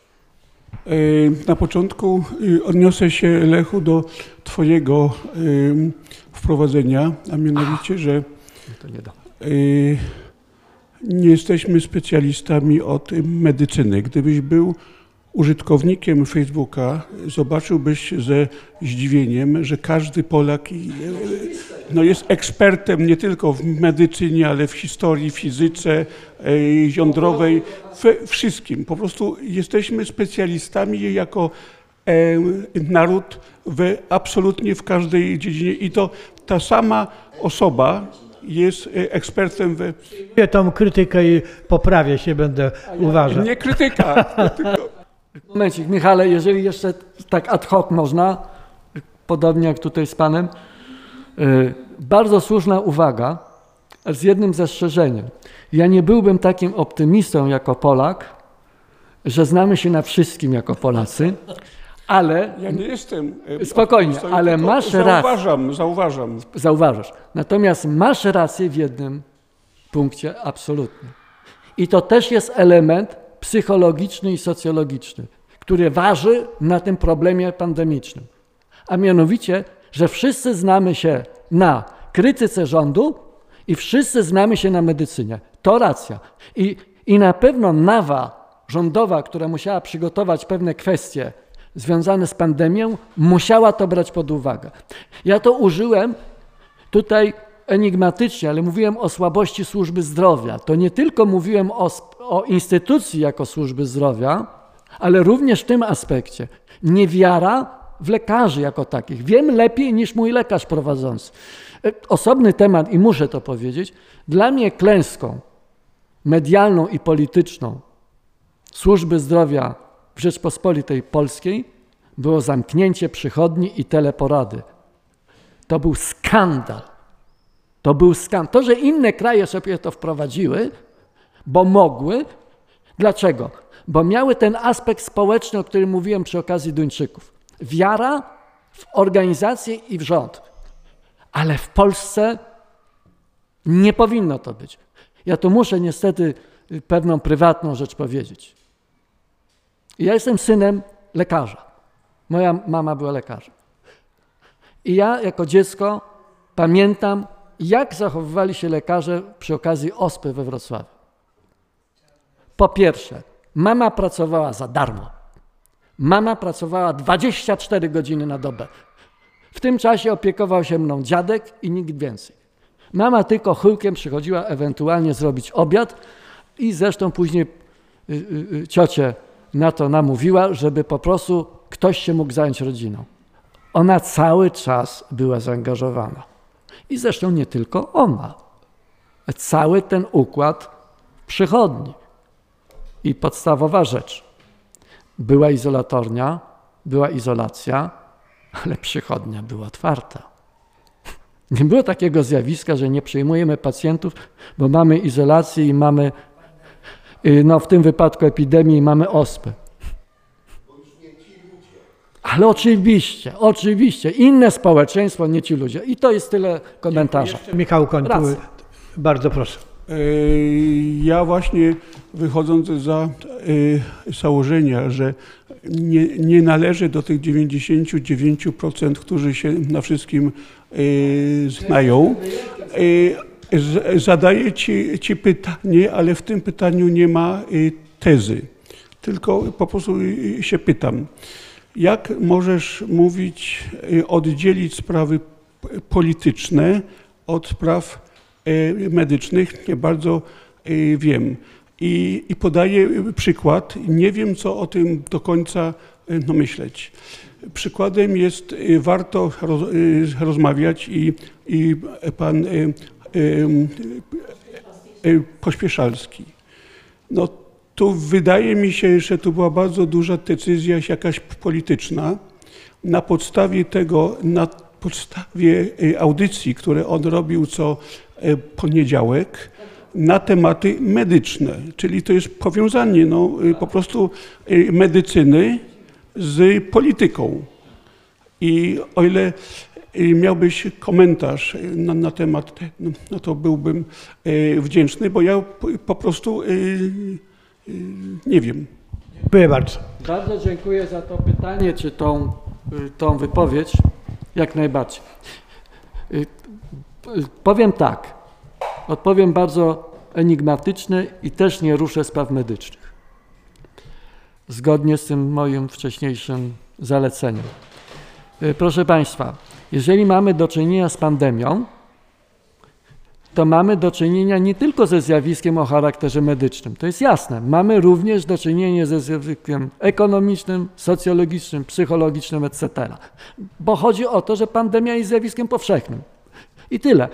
I teraz, jeżeli mamy do czynienia, ja to powiedziałem na początku, że jednym z czynników, który nas różnicuje w obecnych czasach, w stosunku nawet do 100 lat do tyłu, czy 120 lat do tyłu, już nie mówiąc o średniowieczu, jest problem tego globalizmu w kategoriach medialnych, czyli tej wymiany informacji. Nie tylko ko- użyłem słowa komunikacji, ale w bardzo różnym aspekcie. Państwo pamiętają, początek wypowiedzi. I teraz, jeżeli mamy medium, telewizja, mamy bardzo chwytliwy, poczytny czy widoczny program. Wszyscy starają się oglądać pana Pospieszalskiego, mówiąc kolokwialnie. I jest kwestia bądź co bądź medyczna. To tu jest kwestia, kochani, odpowiedzialności za słowo. Czyli każda osoba dziennikarza, z tym nie, nie mówię pospieszać, bo ja szanuję tego pana, żeby była jasna sprawa. Szanuję jego program i szanuję pana Pospieszalskiego. Absolutnie. Jest to dziennikarz wysokiej klasy. Niezależnie co go spotkało a propos cenzury. Ja twierdzę, że była cenzura, co do tego nie mam dwóch zdań. Oczywiście. Natomiast, czyli jest aspekt polityczny, tak jak mówisz. Natomiast, natomiast jest kwestia taka, że mamy naprawdę niewielu, może dwudziestu, może trzydziestu dziennikarzy, którzy są dziennikarzami. To znaczy ludzi, którzy biorą odpowiedzialność za słowo. To znaczy, nawet jak mówią prawdę, bo nie pomijam tych, którzy nie mówią nieprawdę, ale ci, którzy mówią prawdę, czasami nie należy je wypowiadać, dlatego że rykoszet może wstrząsnąć. Ludzie, którzy nie znają kontekstu, mogą zupełnie inaczej odebrać to, co zostało powiedziane. I tu jest, tu jest aspekt dosyć trudny do oceny. I mówię szczerze, czy pan Pospieszalski w tym aspekcie popełnił błąd, czy nie? Ja nie wypowiadam tu kategorycznych słów. Powiem zupełnie, że nie wypowiadam. Dlatego, że pogląd, że nie wszystko jest ok z tą pandemią, że nie wszystkim się mówi, jest prawo do tego, żeby ten pogląd wygłosić. Ja tu mówię jako prawnik. Jest.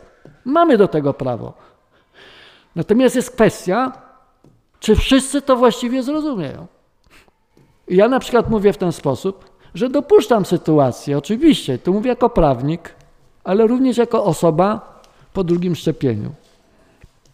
Tu koledzy mi powiedzieli, że po drugim szczepieniu mogę się źle poczuć w kategoriach psychicznych, także proszę brać pod uwagę, że może mnie to akurat tyka, dotyka.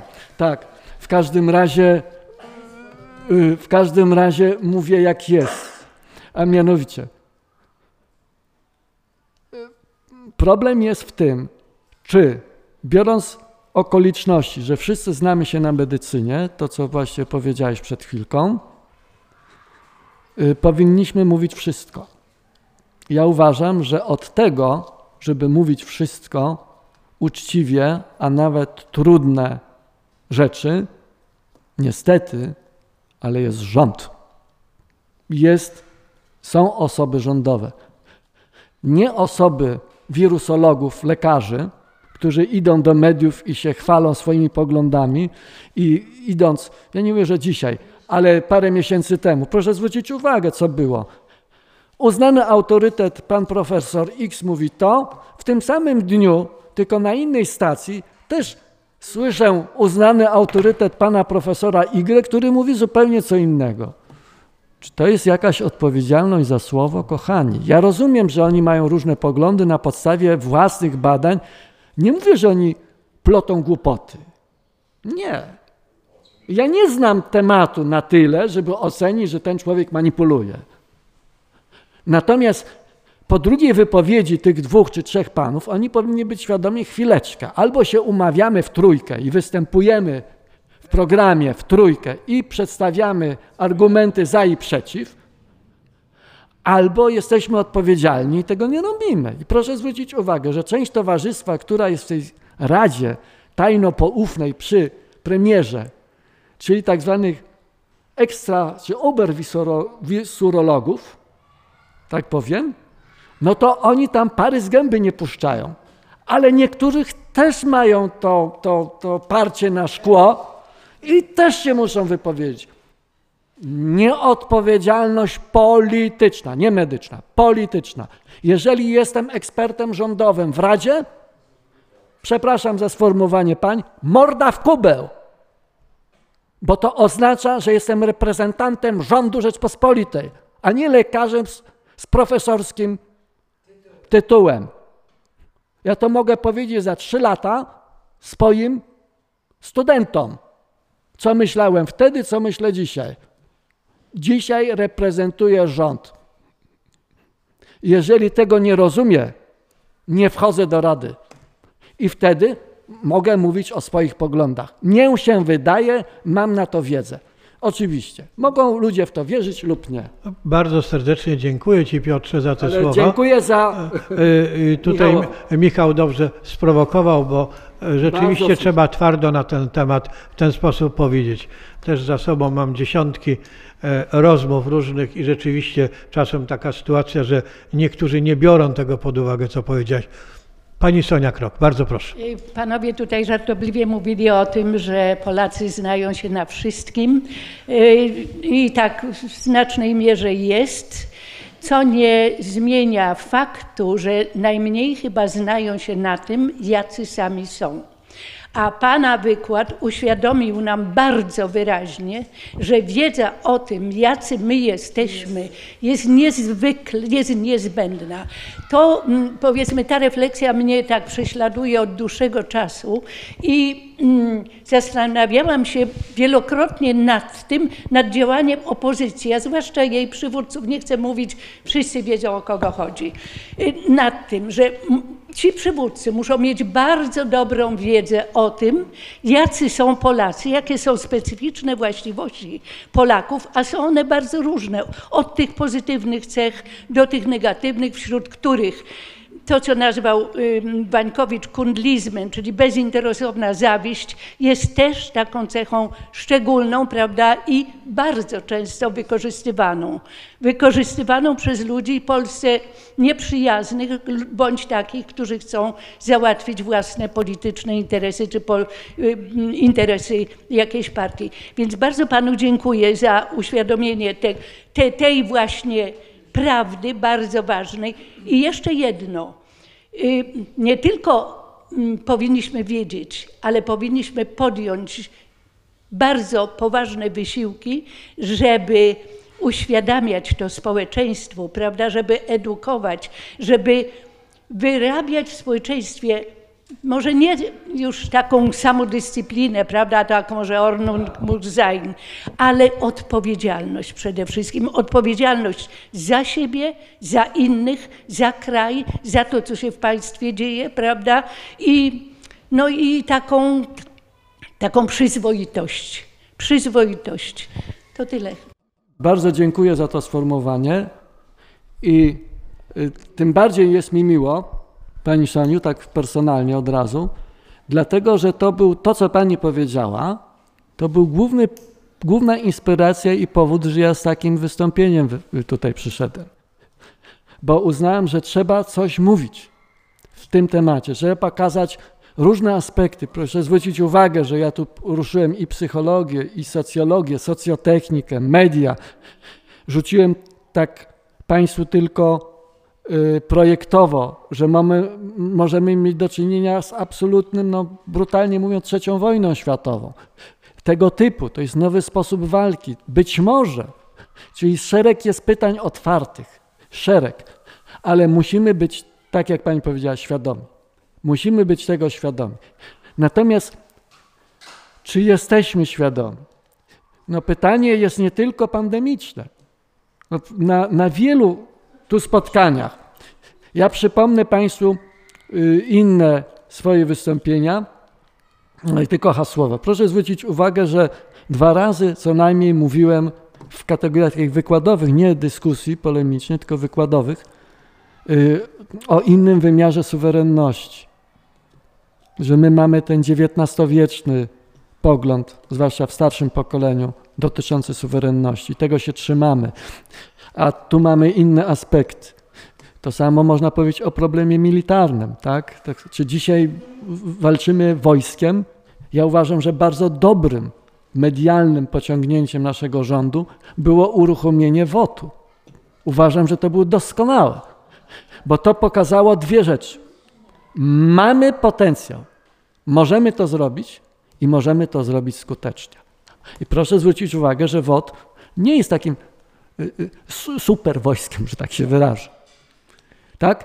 On jest przygotowany do, do osłony cywilnej, ale w trakcie działań wojennych. A tu został użyty w takim celu. Oczywiście mamy przykłady francuskie, i przede wszystkim amerykańskich, gdzie Gwardia Narodowa jest używana do tego rodzaju sytuacji. I bardzo dobrze, że myśmy z takich dobrych przykładów skorzystali.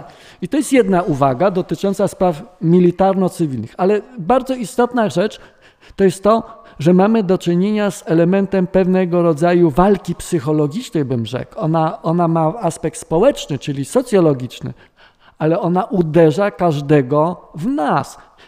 I tu jest problem, może nawet nie samodyscypliny społecznej, bo ja nie wierzę, znając kochane nasze społeczeństwo, że nas stać na to. Jakby na nas napadł wróg z giwerą, nie z, nie z pandemią, z giwerą, to poza jurgieltnikami, o czym za chwilę, wszyscy staną do boju. To ja jestem być może naiwnym optymistą, niestety historycznie uwarunkowanym, ale być może tak by było. Byłbym optymistycznie zaskoczony, gdyby tak było, tak to określę. Natomiast, nie, jest, pewnie więcej nas jest, jest dwójka, ale wracając do tematu. I to jest jedna kwestia. Natomiast proszę zwrócić uwagę, i na to zwrócili uwagę Amerykanie, mają z tym problem. No, oni kochają tych, tych doradców psychologicznych, tych trenerów indywidualnych, prawda, gdzie tam pani się kładzie, a trener tam, prawda, prawie jak Kaszpirowski, leczy to panią z pewnych problemów psychicznych. Powiedzmy. I ten, te zjawisko występuje, bo to jest modne. Natomiast u nas przecież w tej Radzie przy premierze główną rolę, może to Państwa zdziwi, nie grają wisurolodzy. Nie wiem, czy Państwo wiedzą o tym. Nie. A kto mianowicie? Socjolodzy i ekonomiści. Socjolodzy. Bo oni muszą przewidzieć reakcję społeczną.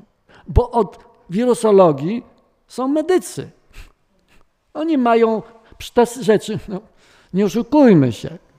Y, tak jak każdy normalny kraj, a jesteśmy normalnym krajem, mimo takiej, a nie innej opozycji, to proszę Państwa, musi być przygotowany wojskowo i są przygotowane odpowiednie procedury wojskowe na taką okoliczność. No przecież ja jestem, byłem radnym miasta Wrocławia, nie będę opowiadał szczegółów, ale byłem w, w, w komisji y, praworządności i bezpieczeństwa, to co pół roku dostawaliśmy raport, jak miasto jest zabezpieczone na okoliczność różnych rzeczy. Nie będę tu wypowiadał w szczegółach. I to jest normalna rzecz, że są przygotowane pewne procedury w tym względzie. Na aspekt klęsk żywiołowych. No, ta pandemia jest rodzajem klęski żywiołowej, można to tak określić, prawda? Więc te procedury są przygotowane. Natomiast jest kwestia, właśnie a propos to, co Michał podkreślił bardzo słusznie, że wszyscy się znamy na medycynie. To tak, jakbyśmy wszyscy znali się na kałachu. A niestety tak nie jest.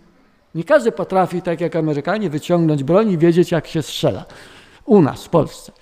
Ale na medycynie wszyscy się znają. I, to jest, I co powinien zrobić rząd? Też wszyscy wiedzą. Wszyscy wiedzą, tak?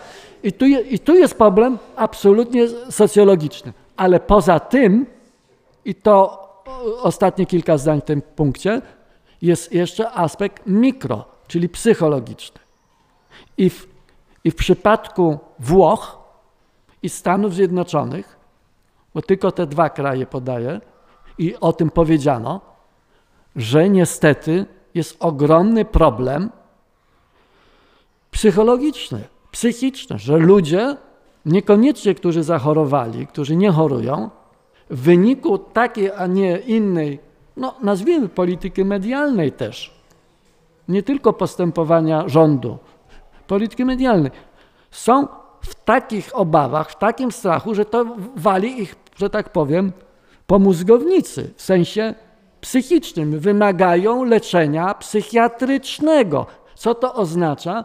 Że mamy coraz słabsze społeczeństwo również w tym aspekcie. Proszę porównać teraz ten problem z rokiem 1939 i dywanowymi nalotami niemieckimi na Polskę. Tylko w jednym wypadku, i to dotyczy Wielunia, słynnego Wielunia, doszło do paniki wśród ludności. A Niemcom nie chodziło, żeby zburzyć miasto, bo mogli to zburzyć artylerią, a nie samolotami, które są zdecydowanie droższe w obsłudze. Oczywiście, że chodziło o to, żeby zastraszyć i załamać psychicznie społeczeństwo. Po to był ten nalot. I owszem, Wieluń tak, ale Warszawa nie. Wielokrotnie tą Warszawę bombardowano w 1939 roku. To jest potężna zasługa Stefana Starzyńskiego, który przecież, o czym Państwo być może nie wiedzą, ja to mówię jako historyk, który był powszechnie w Warszawie nielubiany przed 1939 rokiem, bo był komisarzem rządowym, czyli był narzuconym y, prezydentem miasta przez władzę. I nie był lubiany od strony politycznej. Ale w 1939 się sprawdził. I to jest kolejna kwestia. A teraz do jurgieltników. Proszę Państwa, no przykro to powiedzieć, ale to jest bardzo polskie. Zdrajców mieliśmy bez liku, mamy i będziemy mieli. Bo jesteśmy Polakami. Mamy patriotów i mamy zdrajców.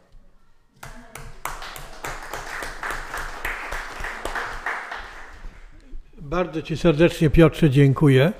E, tutaj w ciemno pewne propozycje przyjmowałem ze strony Piotra, ale e, zawsze z wielkim zaufaniem.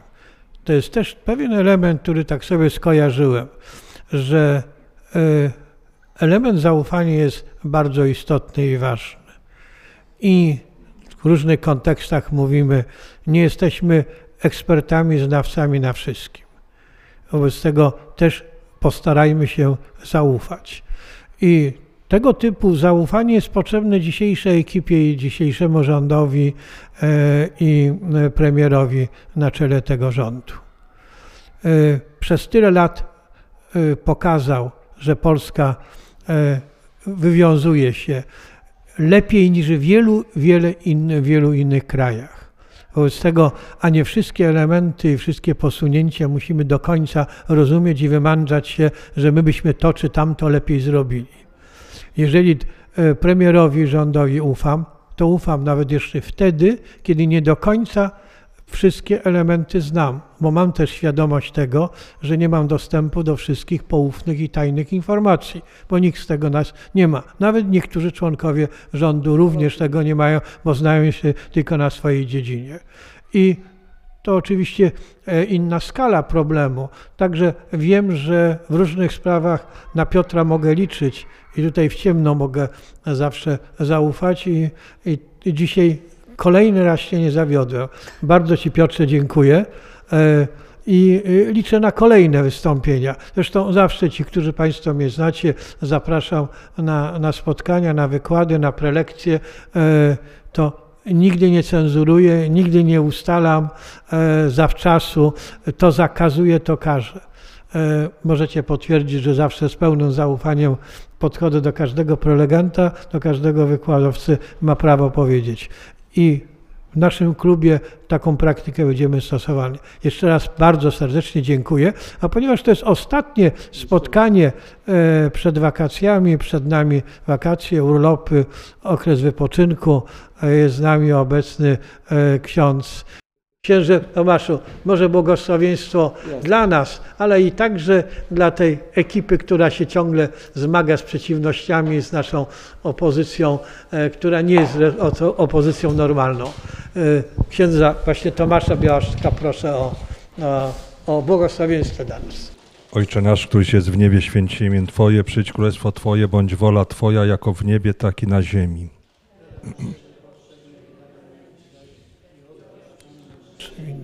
Jako i my odpuszczamy naszym winowajcom. I nie wódź nas na pokuszenie, ale nas zbaw ode złego. Zdrowaś Mario, łaski pełna Pan z Tobą, błogosławionaś Ty między niewiastami, błogosławiony owoc żywota Twojego Jezus. Maria.